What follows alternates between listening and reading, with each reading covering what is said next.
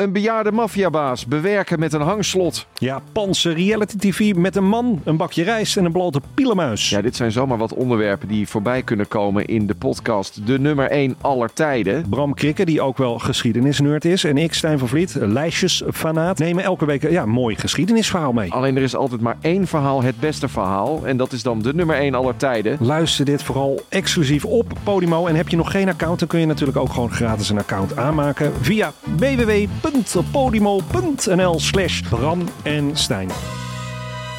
Dit programma wordt mede mogelijk gemaakt door Toto. Hallo beste luisteraars van de Rode Lantaarn, Fabio Jacobs hier. Ik wens jullie allemaal een gelukkig en sportief 2019 toe.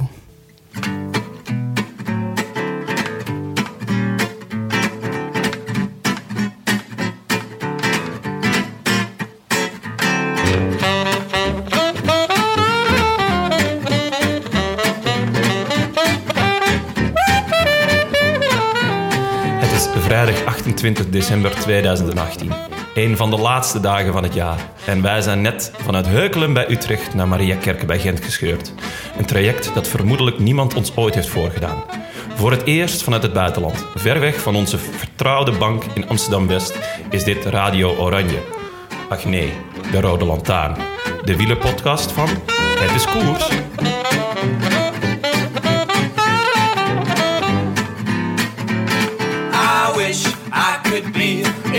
South of France. In the south of France. Tonight. Het aangezicht van de hoofdgast in deze aflevering werd dit jaar danig op de proef gesteld. Google image je naam en je vindt twee soorten beelden. Eén met zijn gezicht vol grauw-wit Toscaans stof in Siena... en één met rood bloed vanwege een onzachte landing op het asfalt nabij Lorient in de Tour de France. Een 8 voor het voorseizoen, een 4 voor de rest, vat hij wielerjaar 2018 samen. Kunnen wij best mee leven, al is het wat ons betreft nog een tikje te bescheiden.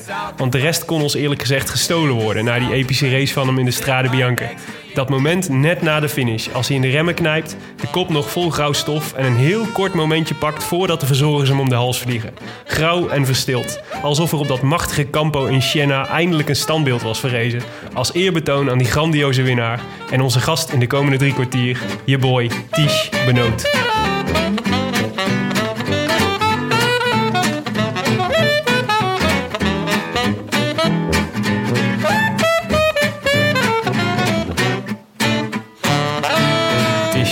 Welkom. Dank u, mooie Mooi. intro. Hoe vond je het Vlaams van Jonne? Ja, het viel wel mee. Het klonk een beetje Antwerps. Antwerps. Niet, echt, eh, niet echt van deze streek, maar eh Goed, dan Kon ermee door. 7 op 10. Zou je hem geloven? 7 op 10. Zou je hem geloven als hij zou zeggen dat hij uit Vlaanderen kwam? Ja, misschien. hij moest wel veel moeite doen nu, dus ik zag dat hij veel moeite deed. Het was, maar, eh, het was niet makkelijk. Nee, Nee, maar, maar... eh, beter dan mijn eh, Hollands, zeg maar. Misschien gaan we die straks nog even Ja, testen. nou, Ja. Hey, eh, hoe gaat het met je? goed. Ehm, ja, ik heb nu eh, een maand en een half getraind, denk ik. Ja. Zowat de, de tofste periode van, eh, van het seizoen, denk ik, voor mij. Of ja, dat mag ik niet zeggen. Maar ik geniet echt wel van deze periode. Het is, eh, het is rustig opbouwen, voelen dat het beter wordt elke dag. Ja. En eh, ik geniet ook wel echt van trainen. Dus eh, ja. Hey, tof. er komt iemand binnen. Hallo. Geen probleem. Kom binnen hoor. Wees welkom. Hoi. Mijn vriendin, Fien. Ik, ik wou net zeggen, ik neem aan dat je vriendin is. Ja, Je was al een beetje aangekondigd hoor. ja. Ja. ja. Maar ehm, ja, nee, je was aan het vertellen over, je, over eh, dus het mooiste, de mooiste, ja, de mooiste Nee, het is periode. niet de mooiste periode van maar wel een toffe periode. Het is een zeker een toffe periode. Ik ben niet de renner die, die snakt naar de eerste wedstrijd. Ja. Ik kijk er wel naar uit. Ja. Maar ik kan even goed genieten nu van, eh, van de trein eh, in mooi weer. En, en eh, ja. Ja, Heb, je, heb je ook nog lekker een beetje vakantie gevierd? Na de ja, laatste? ik ben wel een renner die, eh, zeker de laatste jaren, ik, laat iets langer dan, dan het gemiddelde mijn fiets aan de kant, denk ik. Ja. Toch een kleine vijf weken nu, Ja. ik niet gefietst heb. Ehm, en ik heb dat twee jaar geleden de eerste keer gedaan. Ik voelde mij daar zeer goed bij, dus ik heb dat nu ook zo gedaan. Ja. Maar ik blijf wel bezig in die periode. En ben je dan helemaal niet eh, aan het fietsen? Nee, ik denk niet vijf weken één keer de fiets aanraakt. Maar ik, Oh. ik ben wel iemand die niet zonder sport kan. Dus ik ga wel op vakantie een keer lopen of een keer zwemmen of zo. Ja.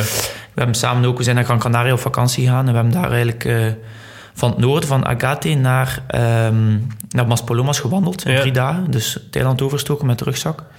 Was ook wel een zeer toffe ervaring. Ja, Kamperen geloof ik. of... eh, We hebben, nee, we hebben in het hotel geslapen. Het was de eerste keer dat we zo eh meerdaagse hike Ja. deden. Ehm, plus ook om dan met tenten nog te beginnen sleuren. We wisten ook niet echt weer daarboven. eh, we hebben toch geslapen op 1700 meter, denk ik. Hoogtestage.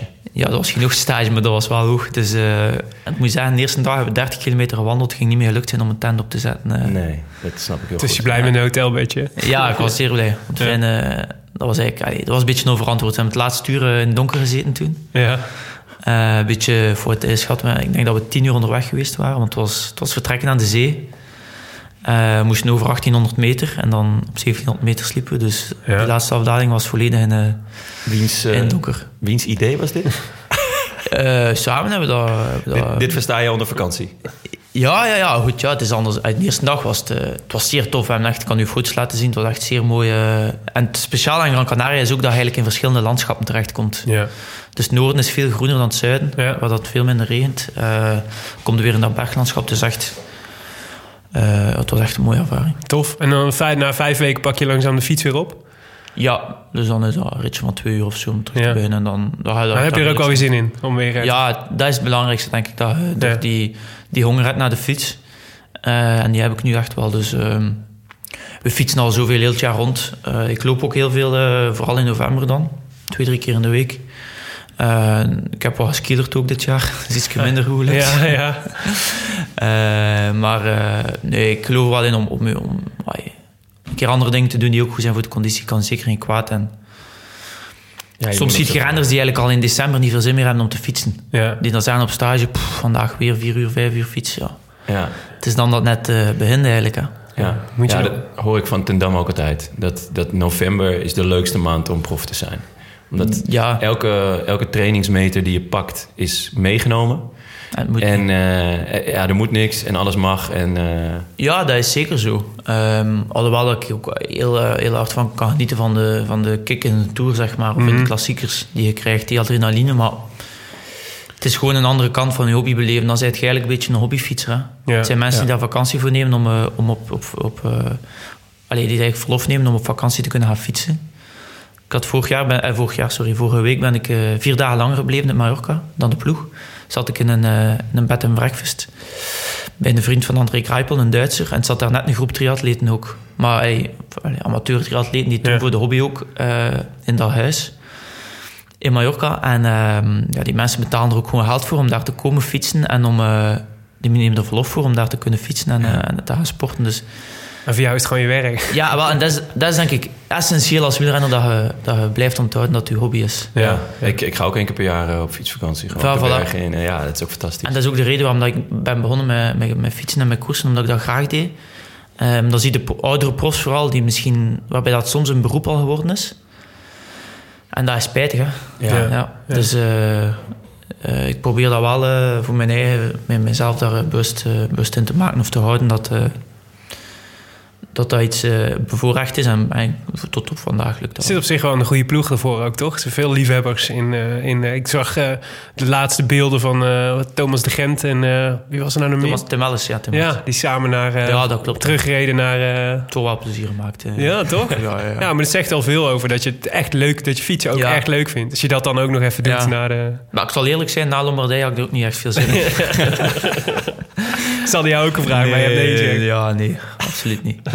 dat kan maar Eh, gestolen dat ik worden. een goesting om een pintje te drinken. En, eh, Snap ik goed. eh, nee, maar ik, op dat vlak heb ik wel een goede balans gevonden, denk ik. Dus, Ja. eh, Hoe ging het trainingskamp verder? Hoe stond je, hoe stond je ervoor? goed, ja, ik had een goede test gedaan ook daarvoor. Ja. Eh, wat blijkt eigenlijk, ja, wat bewijst dat je eigenlijk niet zoveel training nodig hebt. Ik heb ook nog eh, de Vuelta gedaan op het einde van het seizoen. Dat maakt ook wel een verschil, denk ik. Ja. Dus mijn test was goed. Een van de beste van de afgelopen jaren. En ehm gewoon goede, goede kilometers gemaakt. Ja. Rustige kilometers. Zeer mooi weer had. Ik denk de beste, beste weer dat ik eh, in vijf jaar Mallorca gehad heb in eh, december. Ja. Ehm, maar voor de rest is het, omdat we nu maar één stage meer doen met de ploeg, was het wel iets. eh, moet ik zeggen, eh, het was zeer intensief voor mij. eh, alle Mhm. randactiviteiten, eh, fotoshoots, interviews, Ja. meeting met sponsors. ja, het is niet alleen maar lekker rondje fietsen. Nee, ik heb, ik heb daar denk ik maar twee van de tien dagen mijn bed gezien voor... of op mijn kamer geweest voor negen uur half tien. Ja. Om even te rusten. Ja. Dus daarom ben ik ook drie, vier dagen langer gebleven om echt even uit te rusten, goed te trainen en dan naar huis te komen voor de feestdagen. Mm, ja. Oké. Hey, en ehm, eh, en eh, eh, is er veel veranderd in de ploeg dit jaar bij jullie? Ja, in vijf jaar tijd, het is nu mijn vijf jaar bij de ploeg zal het zijn, denk ik, was het, is het de meeste verandering geweest Ja? in, die, ja, in de laatste vijf jaar. Dus zeer veel nieuwe gezichten. Ja. Ik denk het vertrek van André Kruipel met zijn lead-out, Sieberg, Ja. Is belangrijk, omdat het toch wel een, eh een sterkhouder was binnen de heb je ploeg. Joen voor terug, zeg maar? eigenlijk? Ja, zeker, maar het is wel iets dat verandert. Als Ja. een kopman verandert, dan verandert er iets in de ploeg. Ja. Grijpel is een heel sociale kopman, heb ik altijd begrepen. hè? Ja, eh, sociaal loyaal vooral, denk Ja. ik. Ja. Ja.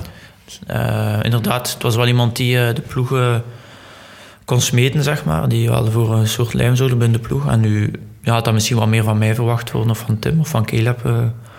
En hoe voel je je daarbij? Is dat, is dat iets wat je, waarvan Ja. je denkt, nou, dat kan ik eigenlijk wel? Of, eh, ja, ik denk dat dat nou, voorlopig wel redelijk goed lukt. Ehm, maar André was, was een speciale renner in die zin. Ik werd neoprof en ik was al bijna mede-kopman in de Ronde van Vlaanderen. Ja. eh, naast Jurgen Roelands. Dus André Grijpel stond onder mij. Ja. André Grijpel was Duits kampioen, had al 150 profi- profwedstrijden gewonnen. En ik kwam over van de belofte en ik was 20, 21 jaar. Hmm.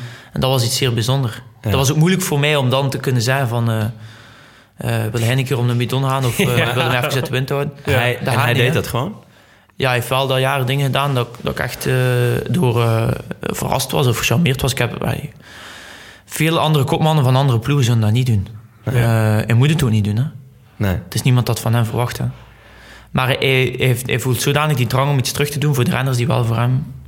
Want uiteindelijk heeft Ja. hij, is wel iemand die Ik hoorde altijd dat hij sterk na- afhankelijk is ja. geweest van, zijn- van de ploeg. Hè. Ja, ik hoorde dat hij na, na een eh, overwinning... dat hij ook altijd iedereen in de ploeg eventjes bezocht op de hotelkamer. Of even, Ja. even een persoonlijk bedankje van... Ja, ja, ik denk, ja, ik denk dat binnen de, binnen de ploeg wel eh, zeer veel mensen, eh, vooral de staf ook dan, hem wel missen. Ja. eh, ik kon naar iedereen zijn appreciatie uit. Ja. Ja, ja. Maar sowieso natuurlijk wel voor jou. Je bent nu vierde of vijfdejaarsprof, word je? Ik word vijf jaar prof. Ja. Vijfdejaarsprof.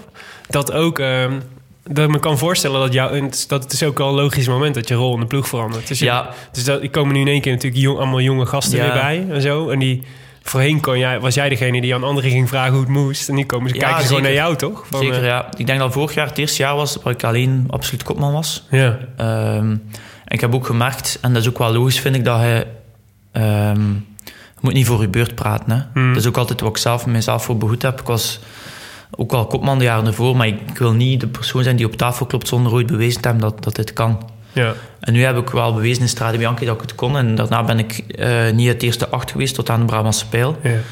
Ik denk dat ik in de Ronde van Vlaanderen ook bij de drie, vier beste renners was. Dus eh, dan was ik het wel waard, denk ik, om, eh, om mijn zegje te doen en, en als, als leider op, allee, Ja. mocht op te staan binnen de ploeg. Ja. Wat dan niet altijd even makkelijk is, dat klopt. Want ik was nog altijd bij de jongste renners. hè. Ja. Ja, nou, ja, precies. je bent nog steeds niet oud. 24 jaar, Ja, ja. precies. Maar heb je het idee dat je al... Je, je bedoelt, die jonge gasten, die kijken nu wel naar jou. Gewoon Ja, ja, als, ja, dit is de ja. gast met ervaring die eh, gewonnen heeft al. En, Maar het, is, het, is, ja, het, is, het, is- het zijn inderdaad zeer veel nieuwe renners ook bij in de ploeg. Ik denk, het was eh, één eh, dag op stage dat ik met een groepje van negen op stap waren. Ja. Mijn groep. En het waren zes renners jonger dan mij. ja. Ja, Dat- is nog een nooit heel meegemaakt. Nee, dat is een heel anders Dat wil ook zeggen dat we een zeer jonge ploeg hebben. Ja. Er komen twee of drie renners denk ik pas in de zomer ook over. Ehm, dus, dus ja, die jongens stellen wel veel vragen. En dat is, dat is een andere positie. Hè. Dus de Ja. rollen zijn omgedraaid op twee jaar tijd. En heb je daar dan al eh, een soort nieuwe Ties Benoot gezien? Eh, maar dat is moeilijk te Kijk, zijn. kijk je daar zo naar? Of, of is is het allemaal gewoon van, nou, eh, het Eh, zijn, het zijn jonkies en ik ga ze allemaal helpen? Of heb je dan automatisch in Het van, zijn oh, natuurlijk allemaal talenten, anders hadden ze niet bij Lotte. Nee, nee, dat snap ik. Maar je, ja, je, het kan heel goed zijn dat je, dat je toch al eentje hebt van... Ah, die, ga ik, eh, ja, die geef ik nog wat extra tips of zo. Ja. Omdat je iets, iets van Op- jezelf in hem herkent. Wel op plak van... Of fysiek mezelf erin herkennen is misschien moeilijk gezegd. Omdat je dat van je eigen denk ik moeilijk kunt zijn. Maar ik heb... Met Stan de Wulf heb ik bijvoorbeeld wel een goede relatie. Ik weet niet of dat jullie hem kennen. Ja, ja, heeft Parijs-Roubaix gewonnen voor de belofte vorig jaar. Ja. Hij studeert ook zelf nog in Gent. Zit op kot in Gent. Oké. Dus op die manier hebben we ook wel al een link. En we hebben ook al een paar keer gaan trainen samen voor de ploegstage. En ook, ook wel een renner die, en zoals ik ook, ook, en zo ben ik nog altijd, die zeer leergierig is en zijn, zijn vragen gaat stellen aan, eh, Ja. aan de persoon waarvan dat hij denkt dat hij nuttige antwoorden kan geven. En nu stelt hij ook wel redelijk wat vragen aan mij. En daar help ik hem ook graag. Ik heb vroeger ook renners gehad eh, binnen de ploeg die mij, wat ik merkte dat ik niet met mijn vragen terecht moest. Dus, eh, Ja? ja. Ja? Die gewoon als concurrent zagen. of zo. Ja, die, ja, toch een beetje. Maar dat is ook een compliment dan. Hè? Ja, dat is waar. Ja. En wie waren dat? Ja, dat is de Tony Galopin was wel zo iemand. Ja? Pas op, een renner dat ik zeer goed mee overeenkom. Ja, ja, ja. En nog altijd, als ik hem zie in wedstrijd, we sturen ook berichten vaak. ja. Eh, vorig jaar zaten we samen Sierra Nevada uren eh gepraat s'avonds. Ja. Maar dat is, dat is ook wel... Het is een, een meer een introvert type. ja. Ja. En ehm, Wel een beetje hetzelfde type als jij. ja, ik, ik kan ook een breed spectrum aan wedstrijden aan. Ja. Ehm, maar het was van de jaar nog, ik, we, we zaten in, eh, in de Vuelta, denk ik. En hij staat ervoor bekend dat hij een week na een grote ronde of twee weken altijd zeer sterk is. Hij mag zo slecht dat hij mag zijn in de grote ronde, hij gaat altijd goed zijn de, de week daarna. Hij is altijd top 3, top 4 of 5 in eh, San Sebastian. Ja. ja. klopt ja. Net zoals Mollema. Dus ik was een beetje op de sukkel in de Vuelta na mijn valpartij, antibiotica moet nemen, bla bla bla. En ik zeg tegen Tony, ja, ik zeg Tony, het draait vierkant, jong. Ja. Ehm, maar vertel me een keer, hoe moet ik dat nu doen om goed te zijn op het WK? Of op de, op de week daarna? Ja, zegt hij, eh, een beetje brabbelen zo, maar het kwam niet veel uit. Dus, Nee, het geheim van de hè, ja. Lie- liever dat je niet zo goed bent op het WK. Ja, maar langs de andere kant heb ik hem ook... Allee, ehm, het was één rit aankomst tegen bij Granada, Sierra Ne- allee, dicht bij de Sierra Nevada, waar ik wel veel al getraind heb. En ik kende die slot Kim Hoe als rit 4 of 5. En ik wist zelf ook, ik ga je vandaag niet meedoen. En ik zeg tegen hem, ik zeg Tony, op dat punt eh draai je linksaf, een klein dorpje in, ziet dat je daar zeker vooraan zit. Ik heb hem dat ook gezegd. En heeft dat gedaan, heeft mij de dag daarna ook voor bedankt. Dus Ja. hij heeft wel een zeer goede relatie mee, maar Dat gewoon net niet. Ja. echte tips. Ik lag met hem ook op de, stage als sta- eh, op de kamer als stagiair. Eh, toen waren ook niet zoveel woorden gevallen, maar later is allemaal veel veranderd. Dus. Ja. Ja. Maar is dat nou, want je, inderdaad, je bent dan zeg maar kopman met Tim Wellens dan eigenlijk, hè, Ja. toch? Eh, maar is dat dan ook eh, iets wat je moet leren? Dus waar je dan ook met anderen over praat, van wat dat dan betekent om kopman te zijn in zo'n ploeg en zo'n ploeg te moeten dragen en zo? Ehm, ja, ik denk dat er voor een deel in nu zit. ja. Dus het zal moeten blijken of dat ik daar nog Mhm. dat ik expert in ben. Langs de andere kant hebben we ook een goede mental coach binnen de ploeg. Dus Ja. als ik daar vragen over heb, eh, kan ik bij hem ook wel altijd terecht. Van Ja. Hoe zou hij die situatie aanpakken of, eh, ja. of wat dan ook. Maar ja, is allemaal nog relatief ook. Het is niet dat ik dat de baas moet spelen of zo. Het is, Nee, maar ik kan me wel voorstellen dat zeg maar ook dat je omdat je die Strade Bianca hebt gewonnen, dat de druk denk ik ook wel weer hoger wordt. Dat je dan dat ze dan je bent nu kopman, dus ik vermoed dat ze ook dat er ook wel verwacht wordt dat je dit seizoen gaat winnen. Gewoon. Misschien dat er dit seizoen eh er gaan andere hogere verwachtingen zijn. Ja. Alhoewel dat die ervoor ook waren. En ervoor was de druk van wanneer gaat hij eindelijk winnen. Ja, Ja. ik kan me voorstellen, Ja. zeker voor een renner als jij, waarschijnlijk niet eh, een veel winnaar. Nee, ik ben er vaak bij in de finale. Ja, Maar om te winnen is zeer moeilijk. ik kan me voorstellen dat juist die eh, overwinning in de strade heel veel rust heeft gegeven. Ja, ja, dus de rest van het voorjaar heb ik eigenlijk met minder druk rondgereden. Ja, Ik was de enigste... Ik was de, de renner die het vroegst een grote wedstrijd had gewonnen. Van Ja. de klassieke renners. Daarna heeft Quickstep nog gewonnen en Sagan, dat was het eigenlijk. ja, Ehm, maar een renner als, als Niki Terpstra bijvoorbeeld, daar kan ik mij wel eh, in vinden. Omdat hij echt chapeau, hoe dat hij zijn koersen al gewonnen heeft. Mhm. Zonder eigenlijk een echte sprint te hebben. Of toch niet zo goed te sprinten als Van Avermaat als Sagan. Ja. ja. Eh, dat is niet simpel. Nee, Ehm, hij heeft Roubaix zo gewonnen, hij heeft Vlaanderen gewonnen. Vlaanderen was de echt sterkste dit jaar.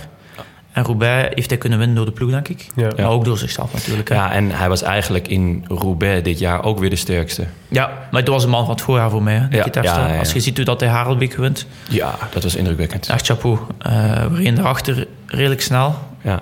Ehm, En maar dat het is, heeft dan dus ook wel, eh, als je dat, ik, kan, want ik kan me heel goed voorstellen de vergelijking met jou. Maar dat heeft wel ook nog, die- hij was wel zeg maar 9, 28, 29, 30 voordat hij dat een beetje begon te kunnen. ja, maar dat toont ook aan hoe moeilijk dat is om die wedstrijd Ja. te winnen. Ja. Ehm, ik ga ook moeten alleen aankomen. Of meestal. Mhm. Eh, ik kan niet zeggen dat ik niets van vertrouwen heb in mijn sprint, maar ik moet ook realistisch zijn, moet met Sagan niet naar de meet gaan. ja. Maar goed, dat is ook... eh, ik teken voor een carrière met, met af en toe een grote, grote overwinning. Ja. In plaats van, eh, Ja, als je, en als je elk seizoen gewoon één van vijf Bianca wint. koersen per jaar te winnen. Ja. Ja. Hey, we, hebben, ehm, we dachten, we moeten je... Ken je, de, ken, eh, dat ken je natuurlijk helemaal niet. Maar de, voet, de Voetbal International? De voetbal? Nee. Nou, dat is, ik dat is het, het ja. Nederlandse, het Nederlandse voetbaltijdschrift. Het Ah, Nederlandse voetbaltijdschrift. Ja. Er staat altijd een rubriek in VI persoonlijk. Nou worden voet, Nederlandse, voetballers uit de Nederlandse eredivisie worden gevraagd naar hun favoriete boek. En we dachten, we moeten jou even beter leren kennen. Dus ik dacht, ik ga een aantal vragen uit de, uit de VI ga ik gewoon voorleggen aan jou. Ja. En ehm, eh, dus dat zijn er in totaal, het zijn er twintig. Die gaan we niet allemaal stellen, maar wel een paar. Ja, Dus, eh, dus ehm, dan mag jij een getal tussen de 1 en de 20 noemen. En dan zeg ik welke vraag Ja. daarbij hoort. eh, één. Ah, nou, naam. Het is benoemd. Tish vernoemd, vernoemd, Vernoemd naar. naar. Ja. Ja, ja, ja. Waar komt die naam dan vandaan? Hinoyosa Tish. ja. Eh, het is eigenlijk goed dat ik eh, onlangs op ploegstart eraan ben herinnerd geweest. Bij, eh, ik moest een filmpje opnemen ter vervanging van de ploegvoorstelling. En daar heb ik eigenlijk zelf de fout gemaakt. Wist ik niet hoe meer van, van waar dat mijn naam kwam. Maar dat was dus een Tex-Mex zangeres. Tex-Mex zangeres. Ja, Tex-Mex.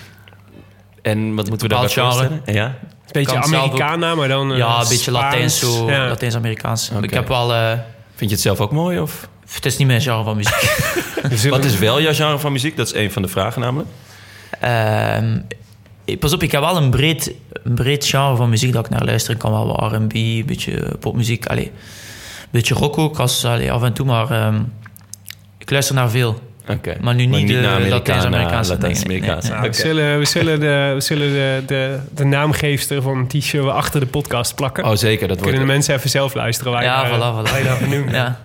Zijn er nou ook, eh, worden er nu ook eh, meer t-shirts geboren in, eh in Ik Vlaanderen? krijg soms een bericht van, eh, van mensen die, die Ties genoemd worden. Het is ook wel echt een prachtige naam, vind ik. het, is iets, het heeft iets Fries, denk ik. Een Nederlands Ties, ja, ja, zeker. Ja, Ja, ja. ja. Ties, misschien is meer Ja, Ties. Ties, ja. Ties Ja. is wel een populaire jongensnaam Ja. in Nederland, ja. Maar de, de schrijfwijze op zich is, is iets... eh, ik denk dat ik tot wel Maar uniek ja, was. ouders waren daar gewoon fan van of zo. Van die, Tot 11 maart 94 was toen, ik denk. Eh, ja, ik weet niet of ze fan waren. Ik denk dat ze de, de inspiratie opgedaan. Mijn broer noemt Jaat. Hoe? Jaat, dus ook een speciaal naam. Jaat. Dat is een professioneel balletdanser. Oh ja? Wacht, Eh, jouw broer is professioneel balletdanser? Ja, hij Wow. woonde, woonde in... eh, hij werkt in Monaco, heeft daar op eh, de, de balletschool gezeten en hij woont nu in Cap d'Agde naast Monaco. Hij werkt er ook voor de, vet, voor de hè? compagnie. Ja. Dus, eh, Spreek je dan vaak? Wel, wij zien elkaar praktisch nooit. Nee. Want hij, is, hij woont daar, hij is nog minder thuis dan mij. Hij is eh, drie jaar jonger dan mij, maar heeft nu vorige week in Venetië zijn hand gebroken. Ah, op, een, eh, op een optreden. Of een repetitie, ik weet niet precies. En daardoor hebben we toch kerst samen kunnen vieren. Elk voordeel heeft zijn nadeel. Ja. Ja, Ja, ja, ja. daarop zijn voordeel. Oké. Ja, mijn moeder was al wat... Hij was enkel mijn nieuwjaar thuis. Op kerst kreeg hij geen verlof. Mijn moeder was aan het klagen van... Ja, kunnen nu ook niet thuis blijven met nieuwjaar? Ik zei, ja, niet, moet dat niet de laatste week vragen. Dat is al lang geboekt, hè. Ja, ja, ja. Eh, maar ja, goed. Karma heeft beslist om arme- toch eh, samen te komen. Ah, dat vind ik wel heel mooi. Zo'n arme moeder benoot twee van die talentvolle zonen... dat dan blijkt dat ze dan voortdurend Ja, weg zijn. maar mijn gewoon- broer- Dat is het lot. Ja, klopt. Eigenlijk, Ja. jullie zijn te goed gelukt. ja. Maar we zijn allebei ons passie gevolgd, dat is zeker. Ja, Hij, mooi. hij zit al van zijn 14 jaar in, eh, in Antwerpen. Elke dag eh, alleen met een trein. Bijzonder zeg. En van zijn 16 in, eh, in Monaco. Ja. Van zijn 12 in Antwerpen, van zijn Dat 16 is ook niet om de hoek. Nee, Moet dus dat was 16e eh, gewoon- lastig voor mijn ouders in het begin. Ja, Ja. snap ik. Ja. Snap ik. Oké. Opleiding. Eh, ja, ik eh, studeer TW nog altijd aan de Universiteit van Gent. Toegepaste economische wetenschappen is dat Oké. in België, ja. En, eh, en hoe combineer je dat met wielrennen?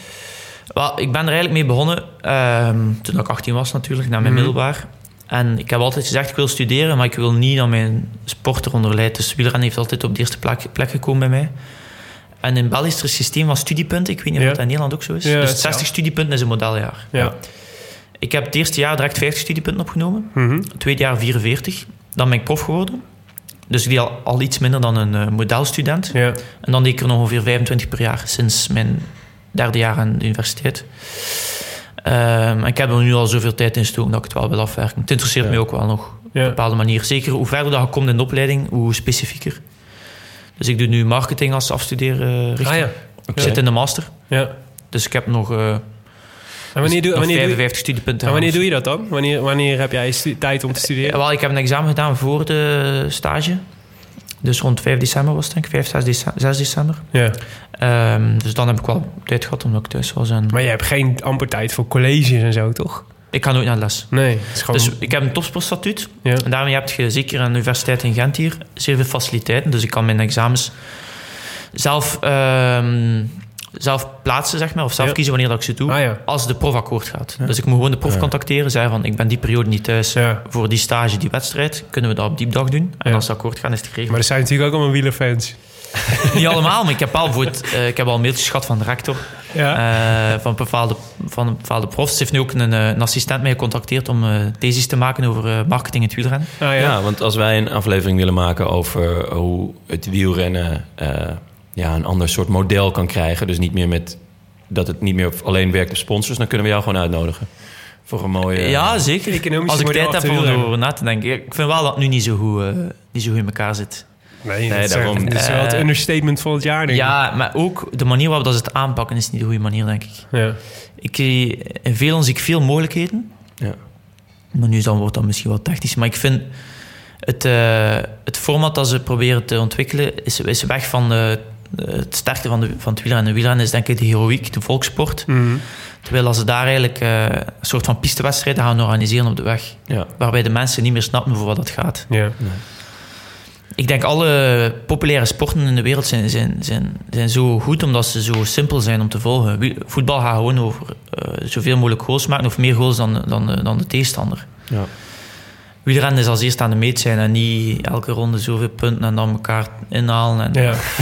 dat je niet zeker weet Dat dat, degene die als niet, eerste ja. passeert ook daadwerkelijk gewonnen heeft. Ja, voilà. Bij En de, ik, bij de daarom- Hammer-series. Ja, Ja, dat je- Ah, wel, dat is veel on, hè, de Hammer-series. Ja, ja. En het belangrijkste is dan nog... op- mijn belangrijkste argument is dan nog dat ik niet graag korte wedstrijden rijd. Dus, dat is misschien daarom belang. mijn, ja, mijn, eh, mijn, moet ik zeggen, mijn voor... eh, ja. Ja, snap ik. Ah, leuk. Nou, dan hou- onthouden we die even. Ja, Zo over de economische... We hebben het daar best wel vaak over namelijk. Dat, soort, Ja. dat er altijd, weet je, het klassieke model van wielrennen... van de, van de Tinkoff rijke man die dan een wielerploeg Ja. koopt en dan... Het geld moet meer naar de ploeg gaan. Hè. Ja, dat, is, ja. dat is gewoon zeker. ja. Ja, en eh, de Tour de France haalt toch echt heel veel geld op. Maar uiteindelijk zien de ploegen daar Niets niet, van. of nauwelijks iets van terug. Nee. Nee. Ik bedoel, wat krijg je als je een etappe wint? 11.000 piek of zo. Ja, en dan gaan niet naar de, dan gaan naar de ploeg, dan gaan naar de renners. Hè. Dus, ja, dus dus eigenlijk is het... Ja, je stopt er heel veel geld in als ploeg. En er komt eigenlijk nooit officieel wat terug, behalve... Ja, je exposure. mer- ja, Ja. exposure, dus ja een merknaam. maar het zijn nu al... eh, we hebben in de ploeg captains of stijgingen... Waar dat, waarbij dat je een soort, als supporter een soort aandeel kunt krijgen... en captain worden Ja. eh, van de ploeg. En dan krijg je allerhande voordelen. Worden uitgenodigd op bepaalde evenementen. Wordt je uitgenodigd eh, om voor een keer op de piste te rijden tijdens de Zaakse van Gent. Ja. Dat zijn allemaal dingen dat je dan kunt winnen. Ja. En ik denk dat dat wel... Dat zijn wij mooie ideeën die nog verder moeten ontwikkeld worden. Ja. Maar eh, ja, het is simpel. In het voetbal krijg je als ploeg eigenlijk ook eh, commerciële inkomsten, zeg maar, uit Ja. het stadion. ik denk tv, bepaalde tv-rechten misschien zelf. Zeker. Dus eh stadiontickets. Ja. Eh, dat is het rare de- van, van de tv-rechten. Vloeit er dus niet of nauwelijks iets terug naar de sport. nee, Ja, maar- en wat lastig is, vind ik altijd, is dat het met teams in het wielrennen gewoon best wel lastig identificeren is. Dus je hebt zeg maar als je, dat klopt. als je met renners, weet je, ook kun je zeggen, ik- dat vind ik een toffe renner en die ook. Maar ja, die Ja. kan en zomaar weer volgend jaar bij een andere Als, ploeg renner rijden. zijn de, als supporter van een wielrenner zijn de supporter van een renner. Ja, En Ja. in het voetbal zijn het supporter van de ploeg. ja, precies. Ik denk niet dat er zeer veel eh, supporters van Real Madrid naar Juventus gegaan als Cristiano Ronaldo is, Nee, eh, is nee, verhuisd. nee, precies. Dat klopt. En dus kun je ook heel veel moeilijker iets Ja. ook. Weet je wel, Lotto is natuurlijk... is- Jullie zitten natuurlijk al jaren en jaren in het, in Ja. het peloton. Maar ja, je weet ook niet zo goed hoe lang Nee. dat nog gaat doorgaan. Dat klopt. Dat is de Sky onzekerheid. stopt ook in één keer. Ja, een wielerploeg is ook gewoon eh, genoemd naar de sponsor. Hè? ja. Ja. En een voetbalploeg eh, is verbonden aan de stad. Ja. Ja, dat eigenlijk precies. Dus zo, daar zou je ook over moeten denken. Over hoe je dat dan ja, beter kunt Je moet ook niet te veel naar het voetbal. eh, Je moet geen, eh, geen gelijkaardig model krijgen, denk Nee. ik. Maar die, die nieuwe de Champions League in de wielrennen die ze dus echt willen invoeren, dat is ook wel iets moois. En terug de, een, een eh, klassement voor die eendagswedstrijden. Ja. Ik denk dat dat mooie zaken zijn. Hè? Zoals het wereldbekerklassement van een aantal jaar geleden met, de, met de trein. Ook wel echt iets moois en denk ik commercieel ook interessant. Ja. Ja, omdat het een soort van stabiliteit brengt. Ja, en de beste renners in de, beste, of in de grootste wedstrijden. Ja. Ja. Nou, als we deze podcast gaan maken, dan eh, nodig je uit. Die, Ja, hey, eh, jeugd, jeugdidool. jeugdidool. Goh. Ik ben, ik ben niet de persoon met de grote idolen, maar ik heb wel... eh, ik, ik ben beginnen koersen met Johan Museeuw in mijn achterhoofd. Mhm. Of beginnen... De, ik wou op mijn drie of vier jaar al koersen. Van mijn zes jaar had ik een koersfiets. Ik mocht niet direct koersen van mijn ouders. Ik heb eerst gevoetbald en op mijn elf of mijn twaalf ben ik dan beginnen koersen. Maar toen ik naar de koers ben, ben beginnen kijken, eh, was Johan Museeuw wel mijn, eh, Ja. mijn idool. Goed, ja, er zijn al niet zo proper verhaal naar buiten gekomen. Ja. Dus eh, Het was de tijd, hè, zeggen het we was dan. de tijd, ja. Ik heb alsnog van hem genoten. Ja, Ja. Ja, ja, ja, natuurlijk. Ja. Ik ga niet ineens met terugwerkende krachten denken... oh ja, dat was eigenlijk helemaal Ja. geen leuke wedstrijd. Nee, het is Nee, prachtig. Ja, ik, dus ik Ja. denk de eerste wedstrijd dat ik me herinner was Roubaix 2002, waar dat Museeuw wint en Boden eigenlijk voor de eerste keer op eh, Zijn- het internationale Ja. niveau eh, bekend geraakt. Dus hij wordt derde, denk ik. Ja. Laatste Roubaix, natte, natte weersomstandigheden ook. Laten we hopen dat dat dit jaar ook een keer mag zijn. Ehm, en daar... eh, heb ik natuurlijk ja, eigenlijk de hele carrière van Tom Bonen op tv gevolgd. En dat was voor mij ook zeer bijzonder om hem, met hem nog te kunnen koersen op het einde van zijn carrière. Ik heb twee wedstrijden met hem in de ploeg Ah ja? gereden. Ja. In eh Baku in de Olymp- eh, Europese Spelen was dat. Ah ja. Ah, ja. 2015 en dan in eh 2K in Richmond ook dat jaar. Dus dat was wel bijzonder. Ja, dat schreef je ook eh, in je opstel. Eh, ja, dat was, toen was ik, dat was tweede middelbaar, denk ik. Was ik 14 jaar. Eh, Ah, verrek, ja, het opstel. Dat ja, verhaal ja, heb ik ook ja, nog wel eens gehoord. straf, ja. Wat een verhaal was dat. Ik moest, ik moest Wat was het, de mijn- Ronde van Vlaanderen 2018? 2018 is ja. het is niet gelukt. hè. Nee, maar ja, goed. Ik was Stond er wel. Nicky Ja. Terpstra. Ik Die... had ook drie sterren in de krant, denk ik. En Ja. in mijn opstel ook. Dus, eh, Ja. ja, ik vond het echt een wonderbaar. Nee, ik even, moest van mijn nee, even, wacht, even, even het verhaal dan. Ja. Dus het was een, het was een, het was, hoe oud was je toen? Groep? 14 jaar, tweede... Ja. Dat is groep 8 of zo in, Ja. in Nederland. Toen eh, moest Tweede jij... middelbaar. Nee, Ja. 14. Ja, dat, is, dat zit je ook in de tweede klas hoor, in, in Nederland. Volgens mij, toch? Ja, maar dat telt toch door met lager of zoiets? Mm, Ja, nee? ik ken het ja. systeem niet. Tweede middelbaar, 14 Ja. jaar. En we moesten een science fiction verhaal schrijven. Op stal. Voor Nederlands. Voor Nederlands, ja, exact. Eh 9,5 op 10 trouwens. Enkele schrijfwoordjes. Ehm, en telkens eigenlijk als we zo een soort taak kregen waar daar eigenlijk wel nog een beetje ruimte bij had, probeer ik dat wel naar wielrennen door te trekken. Dus ook als er een spreekbeurt moest geven of zo, probeerde ik altijd wel iets. Ja, Ja, voor biologie kun je geen spreekbeurt over wielrennen geven, hè, maar allee, ja. probeerde wel. Dus ehm, dan heb ik... eh, mijn science fiction verhaal was eigenlijk eh, toen tien jaar in de toekomst. Dus het waren 2008. Ik heb over 2018 een opstel geschreven. En heb ik eigenlijk... ehm, ja, een opstel... Een verslag van een wielerwedstrijd eigenlijk, zes, zeven pagina's lang. Ehm, waarbij dat ik zelf eh overwon. in Meerbeke toen nog de Ronde van Vlaanderen aankomst. Dus dat was toen ook Ja. zo. Eh, een paar fictieve personages. Dan een paar eh, jongens die ook met mij koersten. Ja. Uit mijn generatie. Ja. Waarvan het ook iemand profielrenner geworden is. Otto Verhaarde. Heeft nu getekend bij Corendon, bij Mathieu van der Oh, ja? Echt? Ja? Oh, vet. En ehm, het meest bijzondere was misschien nog dat ik eigenlijk Kwak van Avermaat als topfavoriet ook had aangehaald daar. Ja. En daarop heb ik op Twitter reactie gekregen van iemand, een zure Belg denk ik, die zei, hoe kan dat nu? Dat is fake, fake nieuws. Want hoe kan dat nu dat hij Greg van Avermaat in 2008 al kon voorspellen als topfavoriet tien jaar later voor de Ronde van Vlaanderen? Maar Ja. Greg was dan eigenlijk eh, echt een jong talent. En ik denk misschien net wel of net niet prof geworden en eh, de puntentrui in de veld aangenomen. Ja. Ja, net ja, niet, denk ja. ik. Of, Ja, jawel, volgens mij wel. ja, of had vier koers gewonnen als neoprof of zo. Dus Ja. dat was een bijzondere renner. Ja. Eh, dus ik had dat er blijkbaar wel uitgepikt. En eh, ja, ik had hem... Ik denk dat ik ook het verhaal samen met hem met twee overblijf op het einde. Ja, ja, ja. Dus Tom Bonen reed nog mee, Fabio Cancellara. Ja, Cancellara was nu wel eh, een jaar te vroeg Net te gestopt. vroeg Ja. gestopt, ja. Ja, hoor. Maar eh, ja, goed. Het, was, eh, het, is, het is vooral een zeer mooi verhaal. Ja, en je had een 9,5 Ja, dat is goed. van de 10. Ja. Ja, ja. Oh, nee, van de heel 20 vet. was niet goed geweest. Maar eh, Ja. ja. het was... Het was zou het eigenlijk moeten laten lezen, maar voor de podcast is dat lang. Was het, wa- was het altijd al je droomkoers, de Ronde van Vlaanderen? Ja, nog altijd duidelijk. Ja? Ja. Ik zou misschien, als ik mag kiezen, zou ik misschien eerder wereldkampioen zijn nu. Ja. Omdat je kunt een jaar in die trui rijden dan. Ja. En dan Ronde van Vlaanderen. Strade Bianchi staat er eigenlijk ook in de top 3, denk ik. Ja. Ik vond dat zo'n mooie Ja, wedstrijd vanaf als ik meedeed. Twee keer achtste geworden en dan kunnen we dit jaar. Dus maar Ronde van Vlaanderen blijft qua Ja. pure wedstrijd wel nummer 1. Maar ja, je bent ook gewoon Vlaming natuurlijk. Dus dat is echt ik je ben- eigen... Ja, ja, het is mijn trainingsparcours. Ja. Ik heb, ehm, ben sinds ik vijf, zes jaar was langs de, langs de weg gaan kijken, op tv gekeken. Ja. België is een hoogdag, hè. Ja. Ja. Nou, in Nederland ook hoor. De dag van de Ronde van Vlaanderen rijdt je gras niet af en dan kijkt je naar de koers, hè. Ja, nee, ja, me geheel mee eens. Ja. Ik, eh, ik ook. Vanaf, eh, vanaf tien uur 's ochtends Ja, gewoon... eh, en het bijzondere is dan eigenlijk dat ook de mensen die geen wielerfan zijn door een jaar kijken naar de koers die dag. Of Ja? komen kijken. Ja, ik heb zoveel vrienden die die koers niet volgen, maar een dag van de Ronde van Vlaanderen staan ze op de Kwaremond. Ja. ja. Nou ja, het werd achtste dit jaar, toch? Achtste, ja. Ja. Het was best, eh, best goed. Eh, Tenminste, het was... Ja, ja, ja. En het verschil was eigenlijk, ik heb de eerste keer gevoeld dat ik hem kan winnen. Ja. Ja. Als ik eh, neoprof was, werd ik vijfde. Maar ging ik te zwabberen en dan Ja. roep je dat voor de vijfde plek reed. Ja. En reed ik op het einde weg. Ja. Dan moet ik even muziek... Ja. Ja, ik hoor het wel. Op zich wel een lekker nummer, maar als het uit kan graag. Op de achtergrond, eh, lieve mensen, horen we toch eh, Gigi D'Agostino. Volgens mij is het L'amour toujours. Me toen een keer passeren? Oh nee, geen Ja, probleem. tuurlijk, dat is geen probleem. Ja. Ja hoor. Geen probleem. Moet je vooral doen. Maar gewoon de, de deur toe anders. Ja. Ehm ja? Eh, ik zal hem even oppakken. Hey, je zei, eh, je had voor het eerst het gevoel dat je hem echt kon winnen dit jaar. Ja, inderdaad. Dus, dus in 2015 ging ik eigenlijk een beetje naar het groepje, ging ik er net aan. Ja. eh, om het groepje dat voor de vijfde plek reed. Daar reed Terpstra voor met Christophe en daarachter was Sagam en Van Avermaat. Ja. Die weg ging op de Paterberg. Zat ik eigenlijk zelf ook iets te ver op de Paterberg, wat ik mijn eigen verraste om eigenlijk boven nog mee te zijn. Renners als Pozzato en Roelands voorbij. Ehm, en op het einde demareerde ik dan op drie kilometer van de meet en kreeg alleen weg.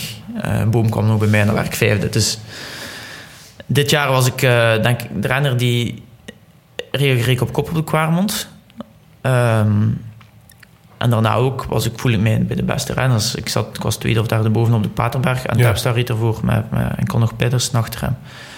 Dus kon, kon zeker derde of vierde worden. Tweede, derde, vierde, wie weet. Maar ja goed, dan gaat de sprint en dan worden achtste. Ja. ja. Want waar, waar ging het dan mis? Ja, waar ging het mis? Ik heb wel... Want je, ja, je voelt dat je kan winnen. Ja, ja, ja. Eh, je Ik- bent goed, de benen zijn er. Dat is zo'n Eh, fractie van een seconde. Ja? Ik heb geprobeerd vanaf een timebar om echt weg te rijden. Ja. Ik heb met Terpstra geprobeerd ook. Als je die beelden bekijkt, dan Mhm. ik heb met, met hem gesproken. Ook ik wist dat ik iemand moest meekrijgen van, van Quickstep om, eh, om voor te blijven. Zowel dan met Gilbert, Terpstra, Lampaard en Stibar. De Vier renners, ja, inderdaad. dus dat zou weten, als je niet iemand van hen mee hebt, wordt Dan het is het kansloos. Ja, ja. Dus dan heb ik met Terpstra gepraat om bovenop de Tuinberg te gaan. En dan achteraf eh, met Stibar om bovenop de Kruisberg te gaan. Met Terpstra ging en de koers was gereden. Ja. En je wist ook direct, er Nibali klink uit het wiel, ja. ja. Ik heb al... Ik heb, Als als op dat beeld- moment... Ik heb direct ook gereageerd. Ja? Er zat in mijn wiel. Het wordt overgepakt en het val- het valde was stil, ja. Er moesten bovenop Noton erbij zijn. Het waren geen helpers meer op het gat toe te rijden, of toch niet voldoende. En vooral, het valt stil op het wegje richting Kwarmond. ja. Ik denk dat Astana de enige ploeg was die nog met twee of drie renners was. En ze deed het niet, dus ja. En zit je, dan, eh, zit je dan echt te balen op de ja, fiets? ja. Ik denk, dit was Ja. echt een kans.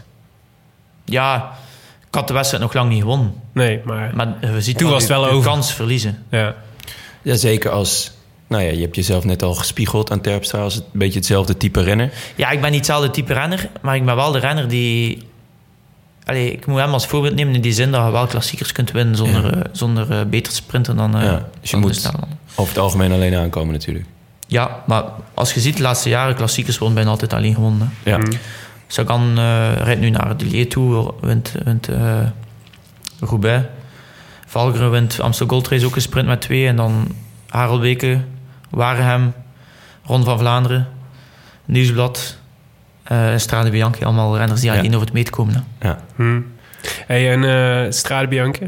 Dat was... eh, ik moet even terug naar hoe, Nou ja, hoe wij die dag hebben beleefd. Succesverhaal erbij pakken, ja. Dat was... eh, Dat is wel leuk dat jullie eens vertalen hoe dat voor jullie Ja, heb jij Mensen vragen altijd hoe jij dat voor mij was, maar dat weet ik Jij hebt nooit voor de televisie gezeten. Ja, oh man, Maar dat was, heel, dat was een rare koers. Want dat was, totale chaos. je viel er zeg maar in op het moment dat het echt al totaal allemaal aan gooit en aan puin lag. En ja, dat het is eigenlijk, eigenlijk een wedstrijd die ze van kilometer nul. Ja, de, geheel mee eens. Want, Klopt. Als ze dat bij Roubaix doen, is er, eh, of Ronde van Vlaanderen, is de Strade Bianchi tien keer interessanter. Want daar heb je de eerste strook na 10 kilometer lang. Ja. Van 20 Maar het was, het was smerig weer. Ja. Echt. Al meteen al vanaf het begin, volgens mij. Ja, en eigenlijk, we kwamen toe de donderdag, de Ja. twee dagen voor de wedstrijd. En toen was het nog aan het sneeuwen, of lag er nog sneeuw op Ja. de... Ja, dat was genieten, ja. Genieten, ja. Ja. Ja, voor ons Voor mij dan, was het wel goed. Ik weet nog dat we met meisjes eh, die de meisjeswedstrijd moesten rijden in de, in de bus zaten, op vrouwen. Ja. En zij, eh, zij waren al zo van, oeh, gaan we moeten koersen? Ja, Ja. dat is goed, joh. dat is echt goed. Ja. Ideaal. Ik wist, als in, in slechter weer gaan mijn kansen vooruit. Ja. Plus, het is een beeld dat bij iedereen bijblijft. Ja. Ja, we hebben, ik heb hem beleefd als totale chaos. Ik wist ook omdat je val, we vielen er middenin. En ja, ik ben continu bezig geweest. We hebben een groepsapp met ja, mensen die echt alles kijken. En we waren continu bezig met elkaar. Wie zit waar? Wat is, wat is het Ja. verloop? Eh, wie zit nog in welk groepje? Wie heeft er nog kans? Eh, had jij dat zelf ook? Nee. nee. Ik wist niet wat er achter mij gebeurde, maar ik wist wel wat er voor mij gebeurde. Dus Ja? ehm, dat komt misschien door de gebrekkige uitzending van, eh, van de RAI. Ja, die kunnen er geen Ja. hout van. Dat zou Ja. ik niet uitsluiten. Ja, voilà. Dus, eh, Nee, die kunnen er echt geen hout van. Ehm, maar ik, eh, ik wist dat er een kopgroep was met eh zeven, acht renners met mijn ploegmaat Victor Kampnaars bij. Dus dat was al hoe, hoe gevoel voor mij voor wetende als ik dat ik die sowieso nog ging tegenkomen zonder pijn. Dus dat, ik- dat ik altijd iemand had om nog eventueel een wiel of iets recht te zetten. Ja. Ehm, en daarnaast ben ik eigenlijk vanaf de strook die er toe deed, heeft de ploeg zeer goed werk gedaan. Eigenlijk de klim richting Montalcino boven vol doorgetrokken. Dan komt je beneden en dan rijd je kort klimmetje 2, 3 kilometer op. En dan begint er eigenlijk echt de koers. Dat zijn twee stroken van een van 12 en een van 8 kilometer. Dus bijna Mhm. 500 meter tussen, dus 20 kilometer offroad. Vorig jaar, of in 2017, hebben we daar ook op kop gereden. Was er een grote valpartij, zaten we ervoor. Dat was ons geluk geweest. En nu wou ik eigenlijk ook vooraan blijven. Ehm, en ik voelde mij zeer goed. Het was een speciaal gevoel om op nat grind te rijden, omdat je wordt echt naar beneden getrokken. Dus de wedstrijd wordt veel trager. En ook op een gegeven moment staan we een, eh, een motto die gevallen was. Dus het was echt ook zeer eh, allee, gevaarlijk stukken bergaf en zo. Ja, ja, dat ja. ik plots Ja. dacht, amai. Ik reed er als vijfde renner van het peloton door als ik wist wat er achter mij... eh, achter mij Ja. Dat ik dacht, wat gaat er hier allemaal achter mij gebeuren? Dus, ehm, constant hier over aangereden. En dan komt je van die twee lange stroken af. Kijk, kom, en zijn er nog 40 renners in koers. Ja. Ja. En op dat moment zei ik ook tegen Nicolas Maas, die terugkwam. Ehm Nicolas zat nog bij mij, Tosh had pech gehad. Thomas Machinski zat nog bij mij. En dan eh Jens Keukelaar en Victor Revoor. Ik, zei- ik zei tegen Nicolas, ik heb mijn been nog niet gevoeld. En als je weet dat je je been nog niet gevoeld hebt en er rijdt met 40 man voor de overwinning, Ja. dan weet je dat je goed bent. Ja. En dan heeft hij wel goed, ja, goed meegepraat van rustig blijven en bla bla bla. En, eh, nog een keer van handschoenen wisseld, mijn regenvest aan hem gegeven, mijn bril aan hem gegeven, denk ik. Eh, was Victor ondertussen gevallen vooraan. dat was wel even verwarrend, want er was zeer veel eh, communicatie in de radio. Ja, ja. En het bleek dat hij er uiteindelijk nog terug naartoe gereden was. Ehm daar rijden we de volgende strook over. Dus dan, het jaar daarvoor was ook zo wel een, een eh, moment van consolidatie in de Ja, wedstrijd. ja, ja. Ehm, en na die strook is het zo wat chaos. Of op het einde van die strook wordt er gedemareerd. En op een gegeven moment rijdt er tien man voor. Ja, niet veel uit 200 meter of zo met Valverde, Kwiatkowski. Ja, niet de minste. Nee, Valverde had ruggas mee, dus Ja. Ehm, ik denk Van Aert was mee. Eh, dus dan wist ik wel, oké, nu moet ik echt niet lang meer wachten. Heeft Victor op kop gereden. Ehm, Nicolas nog zijn best gedaan. En dan Hm. zijn we aan de voet gekomen van de Monte Sante Maria of zoiets. De strook 6 is dat, denk ik. En daar is het eigenlijk elk jaar dat eh, een boel redelijk ontploft, de slang Hm. daarop in ben. En eh dus Quickstep op kop, Caviria. Die ging weg en Stiba ging direct vol in de aanval. Van Marcus, Sagan en ik. Dus Sagan pakt over. Eh, goed, ik, ga, ik volg. En ik dacht in mijn ei, is, is dit het nu? Want ik had zoveel in het wiel van Sagan liggen sterven. Mhm. En ik kon gewoon overpakken op dat moment. Zo. Ik had het gevoel, de eerste keer het gevoel dat ik hem pijn kon doen. Ja. Dat goed gevoel. Ja. Dus we reden als enigste twee eh, naar, de, naar voren. Bardet kwam aansluiten, een beetje later. Want ik wist niet dat hij vooraan maar die is blijkbaar teruggekomen. Ik denk dat wij de enige drie renners zijn. Alhoewel, nee, na de strook zijn nog veel teruggekomen. Eh, en dan gaat, ben ik twee keer, heb ik twee keer geprobeerd, denk ik. En dan rijdt Van Aert weg met Bardet. En dat was voor mij wel echt een, eh, een moeilijke situatie. Want eh, ik zat nog alleen van de Ja. ploeg. Ehm, en toen werd erachter veel naar elkaar gekeken. Kwiatkowski kreeg naar Sagan en omgekeerd. Dan Moscon begon te demareren. Dus, dus die mannen stuurden eigenlijk hun helpers vooruit. En ik heb dat een paar keer zelf geprobeerd. De ploegleiding gaf ook aan van... je moet zelf proberen weggeraken, want het gaat hier niet meer gebeuren. Ze reden al een minuut voor die twee.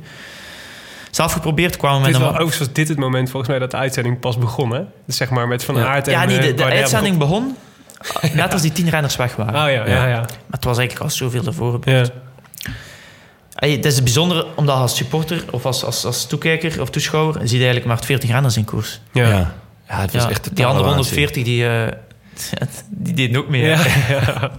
Dus ja, als Hij zat er eh, wel heel veel alweer in de bus, hoor. ja. als je als renner dan eh, je ouders beginnen kijken of zo en ze vragen, ja, hoe is het geweest vandaag? We hebben nu niet gezien. Oh ja, ik heb al, eh, ik heb Ja. al uitgereden. Ja, Ja. dat gebeurt, hè.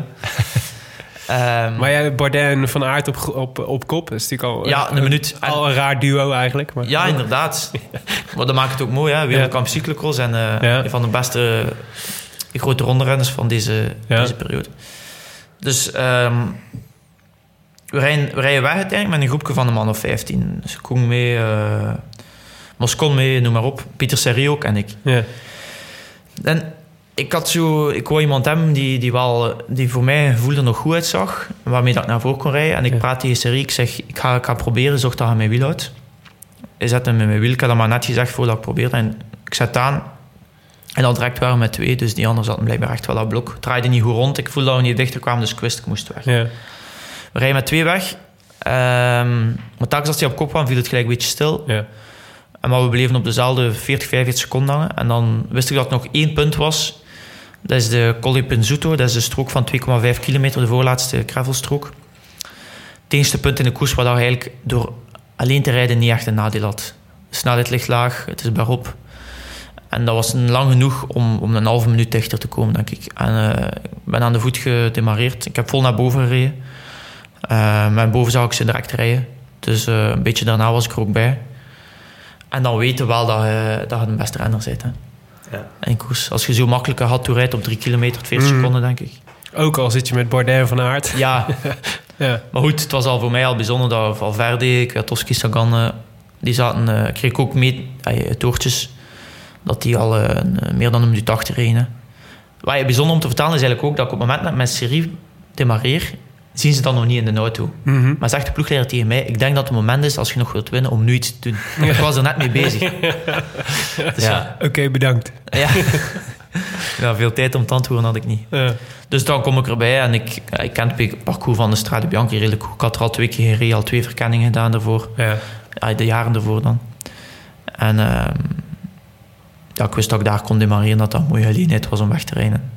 En Toen je Was nog 12 demareerde, toen dacht je, ik heb hem. Als ik demareerde en ik reed weg, dan wist ik wel... Ik zag ook achter mij dat ze niet twijfelden, dat ze Ja. probeerden, maar ze konden niet. Dus dan Ja. weet je wel... Je wist eigenlijk al toen je erbij kwam dus.